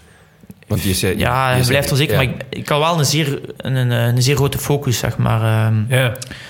Omdat ik, ik, eh, ik wou blijven eten en drinken. Het was zo'n zware wedstrijd geweest. Ehm, ik wist dat dat er zeker in zat. Ja. Maar als je nog geen proefkoers gewonnen hebt, Ja. is dat toch van, ja, moet je er echt niets voor doen. Hè? Want Dan blijf je misschien tot de laatste meter gewoon onzeker over. Ja, maar ik was wel... Ik ging de laatste vijf kilometer en ik wist dat ik ging winnen. Ja. Ja. Vooral omdat een auto achter mij zat. Ja. Ja. Ja. Want als er iets gebeurde, dan met mijn reservefiets en won ik nog. Ik denk dat ik dat zelf gezegd heb tegen de ploegleiding. Of de ploegleiding tegen mij. Van ik zeg, als ik nu iets heb, Ja. direct wisselen. Ja. We reden mijn bakje van veel onder mijn zadel. Ik te kletteren, dat was niet normaal. Mijn zadel was bijna gebroken daardoor. Die, die zadelbrug was bijna door. Ja, ik had er echt geen chance mee gehad. Is dat ze niets van data hadden door het slechte weer. Dus Ja. die bakjes waren toch kapot. Ja. Eh, en ik ook niet trouwens. Mijn vermogensmeter was ook kapot. Dus die laatste afdaling heb ik echt zeer, zeer eh, rustig genomen. Ik liep elke kilometer uit op Bardet, dus ik wist dat ik, eh, dat ik geen risico's meer mocht nemen. Blijven eten en drinken. En dan, je ziet ook op de beelden, dat ik de laatste bocht dat ik neem, waar ik zo traag door. Ja, ja, ja. Me een Obama, maar... eh, Hoe, eh, hoe is het om vijf kilometer lang al te weten dat je gaat winnen? Ja, dat is enorm mooi. Zeker als je Siena binnenrijdt. Ja. Ehm, het Veel was volk? De hele dag was er niet zoveel volk. In Italië dan nooit, maar zeker ook met slechte weer. En dan was er zo rijen dik omhoog. Ja, Dat is echt kippenvel. ja was echt... eh, Het is nog wel een venijnig klimmetje. niet alleen voor Ja. jou, hè. bij ons ook. Nee. Ja, Ja. ja. het is een eigen klimmetje, maar dat is genieten op dat moment. Ik Ja. heb dat niet echt gevoeld. ja. Ehm, nee, dat is echt super. Snap Ja. ik. Was- Ah, je shirt hangt hier in, de in de kamer. Met Ja. eh, ongewassen. ja, inderdaad, zo moet dat. Hè. Mijn En je- fiets ook al wassen. en- Wel, Ja, achter, je zei het, wel ja. achter glas, eh, dat wou ik even zeggen. Ja. Want ja, anders stinkt het gewoon hier heel erg. Maar dat is dus niet het geval. En dan zou het stof niet blijven hangen. Hè. Ja, ja. Zwaar. En je fiets dus ook. Heb je dus ook laten, laten inlijsten. Ja, ik kreeg eh, direct na het aankomstbericht van de ploegleider dat hij met de Ridley had gebeld dat we de, Ja? de fiets mochten houden. Ja. Dus ehm, de mechaniekers hebben dat dan met een soort haarlak behandeld. dat de motor blijft plakken. Oh, wat vet zeg. En eh, dat, dus dat was gelijk eh, een cadeautje van de ploeg. Ja, Dus het, het kwam- ja, van, de ploeg, van, de, ploeg. ja, van de ploeg en van de, van de fietsen sponsoren. Ja. Ja, ja, ja. Ja, dus die hebben gelijk gebeld van, joh, ma- mag dat? En, eh, Ja, Oh, wat vet. Was zeg. het, was het je allerbeste dag ooit op de fiets? tot dan zeker, ja. Ja? Ja, ja heb ik je, hebt sindsdien heb je nog een betere dag. Maar ik heb eigenlijk heel het voorjaar een heel goed gevoel gehad. Zeker Ja? tot en met de Ronde van Vlaanderen. Maar was Spijberg ook nog derde, maar tot en met de Ronde van Vlaanderen. Ja. Ik denk als je Waregem opnieuw bekijkt, die beelden... Mhm. Als je ziet hoe dat ik een trio demareer, eh, dan voel ik mij ook supergoed. Ja. Ehm Harelbeek voelde mij ook zeer goed. Maar dat gevoel dat je, dat je, je, dat je super zware koers hebt, misschien wel een van de zwaarste van het jaar, zeg maar. Een eendagswedstrijden waar echt super toppers gewoon al, eh, al eh, eraf zijn. En dat jij gewoon zegt, ja, maar ik voel mijn benen nog niet. Dat is natuurlijk, dat is toch niet, Ja. dat is toch niet Ja, iets goed, dat was half in de wedstrijd. Ja, Ja, dat klopt. Dat is, is gewoon wel een bijzonder, toch? Ja, ja, dat klopt. ja. Dat was waarschijnlijk wel de beste dag. Wat is, wat is dat dan? Want dat- die Strade Bianca is dus echt, dat is echt eh, een, wedstrijd die jou dus kennelijk super goed ligt. Maar het is een combinatie van de Vlaamse en de Waalse klassiekers, denk ik. Daarom krijgt je ook, eh, denk ik, een van de beste deelnemersveld Ja. ter, ter, ter- eh, voor heel het jaar. Ja. Samen met het wereldkampioenschap. Ik heb een, het de beste rondrenners aan de start. Bardet, Dumoulin. Ja. Ja. Je hebt eh, de beste Vlaamse klassieke renners. Dus Van Avermaat, Van Marke, Sagan. Jij. Je hebt de beste Waalse klassieke renners. Dus Kwiatkowski doet mee, Valverde doet mee. Ja. En dat maakt het zo bijzonder. Ja. Ehm, plus, een zeer mooie streek. Ik hou van Italië, Toscane zeker. Eh, ik heb trouwens vanavond eten pasta met witte truffel van de hotelbaas. Die Echt, van de week heeft opgestuurd naar mij. Oh, wauw. Dus eh, dat is een goede vriend gevonden. We slapen er al twee of drie jaar op rij. Ik ben ook al een keer op vakantie geweest bij hem. Dus, ehm, Te gek zeg. Dus die heeft nu van de week ja, de witte truffel van, eh, op zijn domein gevonden. Heeft hij door, hij heeft opgestuurd. Oh, Ah. lekker zeg. Ja, Als we dat hadden geweten, hadden we meegekeken. Hij staat op het programma weer dit jaar, de Strade. ja sowieso. Ja. Wat is, wat is je programma dit jaar? Ehm, Argentinië, beginnen. Ja. Daar ga ik drie weken op hoogtestage. Hetzelfde als vorig jaar. Ehm, openingsweekend is Nieuwsblad en Kuurne, allebei. Strade Bianchi, Tirreno Adriatico. eh, E3 Harelbeke, Waregem. Ronde van Vlaanderen. Ga ik Roubaix ook terug meedoen. Dat Ga je dus- Roubaix ja, rijden? Echt? Ja. Dat was eigenlijk mijn eh, voornaamste vraag. Ja, voor de ploeg uit... eh, eh, het is een hiaat elke keer, hè? maar het is In moeilijk. je, in je programma. de ploeg heeft het nu ook wel expliciet gevraagd van mij om, mee te doen. Ja. Dus, eh, en ben je het daar is dan mooi- blij mee? Of denk je ja, op een bepaalde manier wel. Ik bedoel, het, is, het, is een, het is een monument. Ja. Het is een wedstrijd dat ik zeer graag eh, eh, zou rijden. En die jou ook wel moet liggen. Ja, maar ik heb er al twee keer pech gehad. Dus ik heb twee keer meegedaan. Twee keer, plat gereden, toch? ja, twee keer plat gereden op een slecht moment. En dan in mijn eigen had ik zoiets van... Maar ik kan een Amsterdam Gold Race... is de wedstrijd die mij denk ik het best ligt. Ja, dat heb, je, dat heb je al eerder gezegd. Het is de Ronde van Vlaanderen zonder dus kasseien. Jawel, ik rij hem normaal. Ja? wel. Ja, dus maar- ik rijd tot de Amsterdam Gold Race. Ah, en nu, oké. vorig jaar heb ik wel Spijl Luik gedaan, die doe ik niet meer. Ja. Maar we gaan zien hoe dat mij voelt naar Roubaix. Maar het is kiezen, hè. En kiezen Ja. is verliezen. en ja, twee jaar geleden had ik een slecht voorjaar in de Vlaamse klassiekers. Of slecht, ja, een paar keer pech gehad. En eh reek voor me in de, Amsterdam Gold Race met zeven renners. Met Kwiatkowski, Gilbert, ehm Rogas. En die mannen rijden naar de aankomst. Voor, eh, die strijden voor de overwinning. Dus dan had ik pech gehad op de Fromberg, denk ik. Achter de, de kruisberg of zo. Ik tegen Rogas aan valt mijn ketting eraf. Dus dan had ik ook zo het gevoel van... Dat is een wedstrijd die ik ooit moet kunnen winnen. Ja. Ik had nog nooit zo dicht geweest in een wedstrijd van dat niveau... Allee, voor een podiumplek. Mm. Ehm, dus heb ik dat vorig jaar geprobeerd. Dat is slecht uitgedraaid, omdat ik dan op hoogtestage ben geweest na de ronde. Dat was geen goed idee meer. Dat ga je niet meer doen? Nee, ik ga gewoon op hoogtestage voor het voorjaar en dat is het. Denk, wa- tussen die wedstrijden is het belangrijkste herstellen. Kijk, het is ervaring, hè? Dat je dit soort Ja, dingen... ja, maar ook- Ja. nu weet ik het, maar ik heb het geprobeerd. Dus Ja. ik Ja, nee, moet, dat ook, is- moet ook niet meer denken, misschien zou het helpen. Ik heb het geprobeerd, het helpt niet voor mij. Ja. Ja. Het is ook lang, vanaan eh openingsweekend tot Luik naar Luik is acht weken. Ja. Nou, daarom vond ik het niet een heel gekke keus. Altijd dat je Roubaix oversloeg. Ja, Omdat het van alle kassei-klassiekers... denk ik ook degene is die het minst ligt. Qua eh, dat er ja geen hoogtemeters wel, in ja zitten. inderdaad, dat klopt. Eh, ja, toch de wat zwaarder gebouwde sprinters hebben daar Ja. ook gewoon een kans. Maar Ehm, ja, de, de, de dus theorie... ergens snapte ik het wel. Alleen, het, omdat, ja, ik, ik kijk natuurlijk altijd naar je programma van eh, nou, Ja. waar ga je rijden dit jaar. En het viel me echt op dat je Roubaix Ja. al twee keer volgens mij had overgeslagen. Ja, 17 en 18 inderdaad. Ja, en, maar dit jaar rij je hem dus wel weer. Ja. Leuk, spannend. Ja, het is dat. De, de theorie van de ploeg was, of de uitleg van de ploeg was... Ik ben een renner die niet super explosief is, maar kan wel een lange inspanning doortrekken zonder stil te vallen. Ik kan van ver proberen aanvallen. Hey, ja, we hebben nog een, eh, we hebben nog een paar, eh, paar luisteraarsvragen. Ja. Eén, hoe lang moest je onder de douche om weer schoon te worden na de Ah, Strade Bianca? Ik denk dat dat twee of drie dagen geduurd heeft. tegen dat ik, ik had vooral zeer veel last van mijn ogen. Ja? Ik had eh, denk, na, na de eerste strook mijn bril al afgezet. Ik zag niets meer. Voor de, kei- voor de luisteraars, Ties zit ook gelijk even aan zijn ogen. Alsof, het, alsof er nog wat, wat vuil vrijkomt. Dat, ja, maar eh, ik dacht echt dat, ik- dat ik een probleem had voor Tirreno. Ja. Want eh, de eerste dagen had ik echt het gevoel dat mijn ogen ontstoken waren. Ja? Ehm, Waarom had je je bril afgedaan? ik zag niets meer. De Ja. motor die erop spat. Je ziet de veldrijders ook snel zonder bril rijden. vaak. Ja. Als Ja, en ook, dus je had ook geen handschoenen meer aan toen je over de finish kwam. Nee, nee, nee. Ik wou dat ik Het niet. is gewoon allemaal uit. Ik was wel goed gekleed bij de start. Eh, verschillende laagjes. En dan kunnen een paar keer variëvest gewisseld, handschoenen gewisseld. En dan Ja, de keer als het hard gaat, ben ik niemand die kou heeft. ja. Ehm, maar het heeft dus wel even geduurd om... eh, een leuk verhaal is ook... Na het podium moest ik naar de bus, maar het is daar eigenlijk echt... eh, het trekt er allemaal op elkaar in Siena. Verschillende kleine straatjes. En ik heb heel Siena rondgereden dat ik aan de bus aankom. moest en alleen af, met de fiets. Ja, Ja, ik heb zeker nog eh, 20 minuten bijgereden. ja, Ai, ik had... eh, Ten Dam heeft ook uitgebreid verteld over, de, over dus deze, deze versie. En die kwam in de bus aan. En eh, toen eh wou hij gaan douchen. Toen was het water op. Het is verschrikkelijk. Dus toen eh, stond hij op het punt om zich te gaan wassen met een, met een flesje Spa Blauw. maar toen gelukkig hadden ze nog weer een aansluiting gevonden. Ja, en kon, ja, hij toen, eh, kon hij toen lekker gaan Dat was gelukkig bij ons niet het geval. Want, Ik beter eerst binnen zijn. Dan Ja, als je als heb je dit probleem niet. ja, maar ik was wel als laatste gedoucht. Oh ja, natuurlijk. Ja, als je op podium doet, eh, Ah, dopingcontrole en persconferentie. Ja, dan- Voor de winnaars Oh, toch man, wel en dan een had je beetje gewoon de hele tijd die, die kleren aan. En die, ja, we hebben wel nie- nieuwe kleren hè, Ja. voor het podium. Ah, ja, ja. Eh, ja, dat is een beetje over Anders raak je zijn. toch ook heel erg verkleumd. Dat is toch ja, ook sowieso. echt ongezond. Sowieso, dat zou echt ongezond zijn. Ja. Zelf nu is het al op het randje, maar goed. Ja. Als je wint, neem je dan met plezier erbij. Ja, ja, ja, snap ik.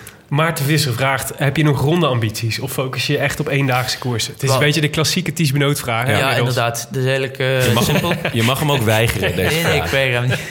Je mag gewoon zeggen, flikker op jongens. Je kan me er meer over Niet vertellen. Maar ik was vorig jaar vierde in Terreno Adriatico. Zo, ja. Met een zeer slechte bedoel, meer dan een minuut in de ploegentijdrit. Dus zonder die ploegentijd word ik tweede, denk ik. Of kom ik zelf tegen bij de overwinning. Ja. Ehm, dus het is zeker te combineren met een eh, voorjaar. Ik denk dat Thomas dat ook deed in de tijd. Chavanel deed dat ook. in Parijs-Nice. En ik ga dat dit jaar ook proberen.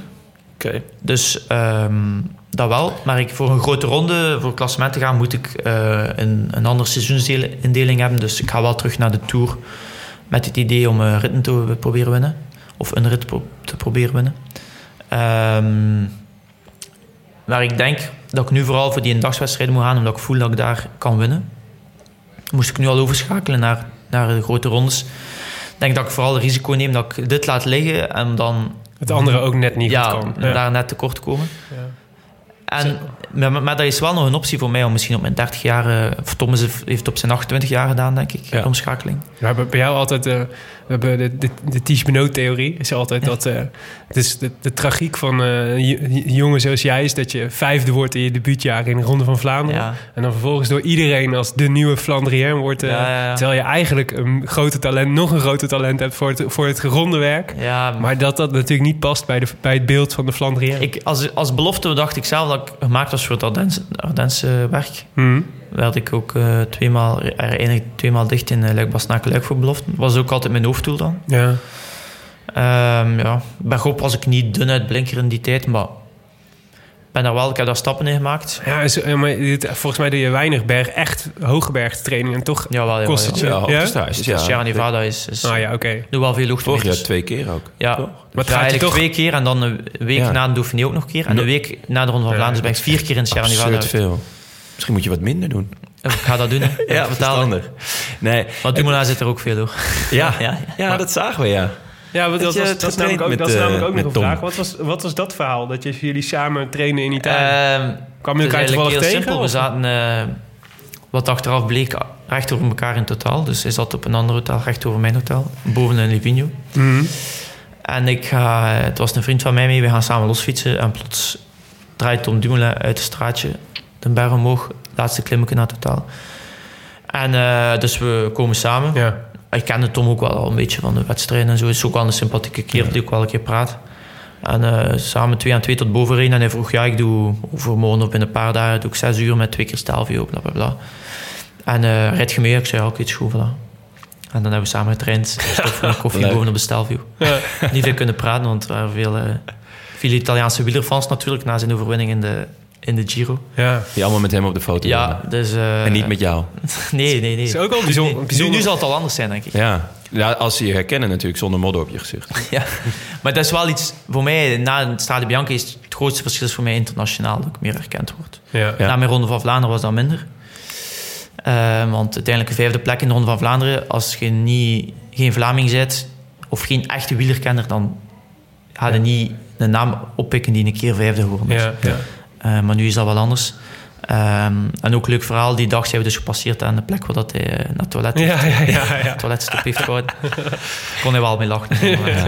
Ja. Ja, omdat, omdat de afloop goed was natuurlijk. Voilà, voilà, voilà. Maar het is wel heftig om te eh, vooraf een beetje te praten over de mediadruk. Die, eh, dus, dat, dus dat jij dat natuurlijk nadat je vijfde werd in de Ronde van Vlaanderen... dat dat echt dat dat bizar moet zijn als je dan in één Ja. keer vanuit niks... in één keer de Ja, grote ja. nieuwe talent van de Belgische wielrenner Ja, ik wordt. krijg zeer veel eh, aanvragen. Ja, Alle mogelijke tv-zenders, magazines en radiozenders komen dan wel eh, met een vraag om duur. Ja, dus het telefoonnummer, een vast telefoonnummer van mijn ouders. Dat ik dacht, kan dat nu? ja. Dus je gaat er wel aan als zegt Ja, daar kwamen wij ook niet achter hoor. Maar ik had dus een vraag van Huub, Huub Bellemakers. Die vraagt hoe fijn is het voor Ties dat Evenepoel eraan komt... en de Vlaamse pers iets minder met hem bezig is. ben ik absoluut niet mee bezig. Ook op dit moment heb ik ook heel veel beter met, eh, met de pers. Dat was echt voor mij, heb ik echt geleerd in mijn eerste jaar. En misschien Ja. nog meer in mijn tweede jaar. Ik ben dan zwaar gevallen in de Ronde van Vlaanderen. Ja, ja. Om dan de keerzijde van de medaille te zien, eigenlijk, eh, heb ik echt veel bijgeleerd hoe dat ik met die dingen kan omgaan. Vind je het leuk? Eh, de aandacht. Ja? Ehm, moet ik zeggen, het zou fout zijn, moest het er niet zijn. Of het zou, het zou een slecht teken zijn, moest die er niet zijn. Ja. Eh, maar ik, eh, het is moeilijk te zeggen. Ik, ik heb een redelijk druk leven, in die zin dat ik, dat ik nog studeer ook. Dus ik probeer het absoluut wel te beperken. Nee, ik, ik merk het bij veel wielrenners. Kijk, vaak vo- voetballer, ja, voetballers worden ook voetballer om beroemd te worden. Ja, Terwijl wielrenners worden over het algemeen wielrenner omdat ze het gewoon heel erg leuk vinden. dat klopt. En eh, nou ja, kijk bijvoorbeeld naar Dumoulin. Ja, daar kwam er ineens heel veel aandacht bij kijken waar hij eigenlijk niet op zat te wachten. Nee, Dus ik kan me voorstellen dat het bij jou Ja. als, als soort eh, Vlaanderens hoop ja, de- het, Ja, hetzelfde zou kunnen. ik denk dat bij Tom wel nog anders extremer is. Ja. Sowieso. Ik ben er eigenlijk zeker van. Ja. Ehm, maar bij mij, ja, als je op stage zit en je krijgt drie, het is aan drie dagen pers en ik heb drie dagen nu een dag vol geboekt, ja. Mm. Ik heb wel al geleerd dat ik er me niet mag in opjagen. Ja. Vroeger ging ik daar echt eh, energie in stoken en van, oh, moet ik dat en dat nu doen? Maar Ja. dus, ik heb geleerd dat dat toch maar verloren energie is. Ik kan beter nu gewoon, ehm, Af en toe een podcastje. voilà. maar dit, is- dit is meer mijn plezier. Maar op stage, als je vijf uur trein hebt, het heeft echt geen zin om een hele namiddag eh, interviews te doen. Ja. Of fotoshoots of zo dan ook. Maar ja, Maar het is ook natuurlijk de hele tijd dezelfde vragen. De Oh, ja. ja. dat, is ook, dat is ook wel het probleem. Over die fotoshoots heb ik nog wel een vraag. Eh, heb jij ook die fotoshoot gedaan dat je, die- dat je met zo'n kitspuit staat? Ja, ja, voor Soudal. hè. Ja. Ah, genieten. Elk heb je die foto's nog? Ja, dus bij, als je Soudal aanschrijft, zullen ze die wel hebben. Ik heb het niet persoonlijk. Ah, leuk. Ik zie die dan een keer Ja, verschijnen in een heerlijke of andere foto's. brico uh, doe-het-zelf winkel in Het is wel België. le- leuk, al die, eh, al die sponsorverplichtingen. Die, eh, Ja, maar maar goed. bij, bij Jumbo moeten ze nou helemaal een supermarkt openen. Ja, ja, ja. Oh, ja, en in die reclame spelen met die verschrikkelijke... Ja. eh, hoe heet die? Frank Lammers. Oh, dat zijn waardeloze reclames. Ja, maar ja, goed. Gezink stond te zingen volgens mij met Kruiswijk. Zat ze in zo'n kerstkoortje. Nou, ja. Kerstdraai met rooklied. Dan kan je beter met zo'n kitspuit staan. Ja, we gaan, eh, gaan jou ontzettend bedanken, Ties. Bedankt voor je tijd. Ja, Ik hoop dat je het leuk vond. maar ik wil wel nog iets zeggen. Ja. Die sponsorverplichtingen, dat is vervelend, maar moet dat erbij nemen. Want uiteindelijk zijn het wel de mensen die de koers nee, draaien. nee, geheel mee eens. Nee, je houdt er eh, nog eens een leuke Ja. foto aan over. Ja, voilà. Soms wel. Nee, nee, Als je niks, graag niks, naar je eh, kijkt tenminste. Ja, niks negatiefs over de sponsor. Ik bedoel, dat Nee, is nee, alleen, nee, maar, eh, alleen maar fijn. Tof. U luisterde naar De Rode Lantaarn. Gepresenteerd door uw favoriete bankzitters Willem Dudok en Jonne Seriese... van wie de laatste ook de productie doet namens Dag en Nacht Media. Wij danken hetskoers.nl, de leukste wielerblog van Nederland en Vlaanderen... voor de steun op vele fronten. En in het bijzonder onze hondstrouwe redactie Maarten Visser, Bastiaan Gaillard... Leon Geuyen en Bas van Eyck. Ehm, als je wil reageren op deze uitzending, dan kan dat. Via Twitter zijn we te bereiken via Willem en Tom Garçon... waarvan de eerste O en 0 is op Twitter. En eh Tiche Benoot, volgens yes, mij. Yes, yes, yes. Ben je meer een Twitteraar dan of een Instagrammer? Instagram, ja. Ja? Oh. Met in ieder geval geen mailer. Nee. Ik heb je een paar keer Die- gemaild. ja. Sowieso nog een hotmail, wat ik echt heel vet vind. Dat is in het peloton heel normaal. Ja, Gewoon nog maar hotmail het te is, moet hebben. wel zijn, de laatste tijd is er wel echt een probleem met mijn hotmailadres. Het Komen, sommige adressen komen niet toe.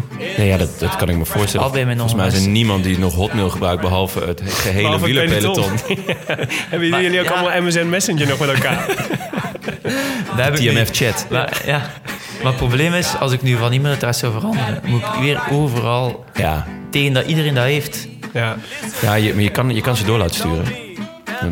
Ah, dat kan. Ja, dan vink je dat gewoon aan bij Dat is eh, het eerste hotmail. dat ik zal doen, maar... Nou, we En wat moet ik dan gebruiken? Gmail of zo? Ja, Gmail of iets. Dat is mijn tip altijd. Een, eh, een provider waarvoor je betaalt. Want dan, eh, Zo, eh, krijg in één dan, keer- le- dan lezen ze niet mee. Ik krijg in één keer een flashback naar eerste kerstdag... dat ik de technische problemen van mijn oma moet oplossen. En de provider, daar heb je, niet je ook wel voor betaald. Nou, bijvoorbeeld ehm, in Nederland heb je Access for All. En Access for All is, de- de- ja, daar betaal je voor internet en dan krijg je een e-mailadres. En dan is dus niet al, al jouw e-mail is, Ja. is niet, wordt niet meegelezen. Kijk, bij Gmail geef je eigenlijk gewoon alle, al je rechten geef je weg. Om het Is zo dat te zeggen. ja? Geef die jongen gewoon Gmail. Dat is echt honderd Ja, Gmail is heel makkelijk. Maar Ik heb ook Gmail, maar als je dus Access for All neemt, dan, dan leest er niemand mee. Ik heb Laat ik het zo zeggen. Zo Heb je mooi, zo mooi is het gewoon. hè. Oké, oh, dat, is, eh, dat is genieten. Dat is mooi om mee af te sluiten. Jonne, na jouw technisch advies over de, de e-mail... eh, de e-mail van Ties, hebben we nog een leuke recensie om voor te een lezen. aparte wending in het gesprek, inderdaad. Eh, ja, we hebben zeker nog een, eh, een recensie. Een vijfsterren recensie ditmaal. Dat is eigenlijk de enige die we voorlezen. Ehm, naar de Roland Taarn eh, luister je stevast met een glimlach. Een verfrissend, lichtvoetige blik op een sport die toch vooral over lijden en afzien gaat. Heerlijk dat er ook ruimte is voor humor in de wereld van gebroken sleutelbenen, hongerkloppen en salbutamol-affaires. Eh, deze was van Barbabob. Barbabob. Ja. Wat leuk, ik wist niet dat Barbabob eh ook... Ja, net, hij kan... Barbabob kan alles, dus ook ja, iTunes zeggen, recensies kan, kan, kan willen wat hij wordt, worden wat hij wil. Dus ja, Zo is het. Wij zijn er in eh, 2019 weer heel vaak. En we hebben ook nog een nieuwe special voor je in petto. Maar daarvan houden we de hoofdrolspeler nog heel even geheim. Maar als je dit nou leuk vond, moest je ook vooral even de gesprekken met Mike Teunissen en Fabio Jacobsen terugluisteren. Dan heb je een eh, mooi rijtje voorjaarsrenners bij elkaar. En eh, van al wat langer geleden, maar ook zeker de moeite waard. eh, met datzelfde oog op het voorjaar, Dylan van Baarden. Allemaal te vinden op Spotify of in je favoriete podcast app. Voor nu, dank voor het luisteren. En à bientôt. I wish I could be in the south of France. In the south of France. Sitting right next to you.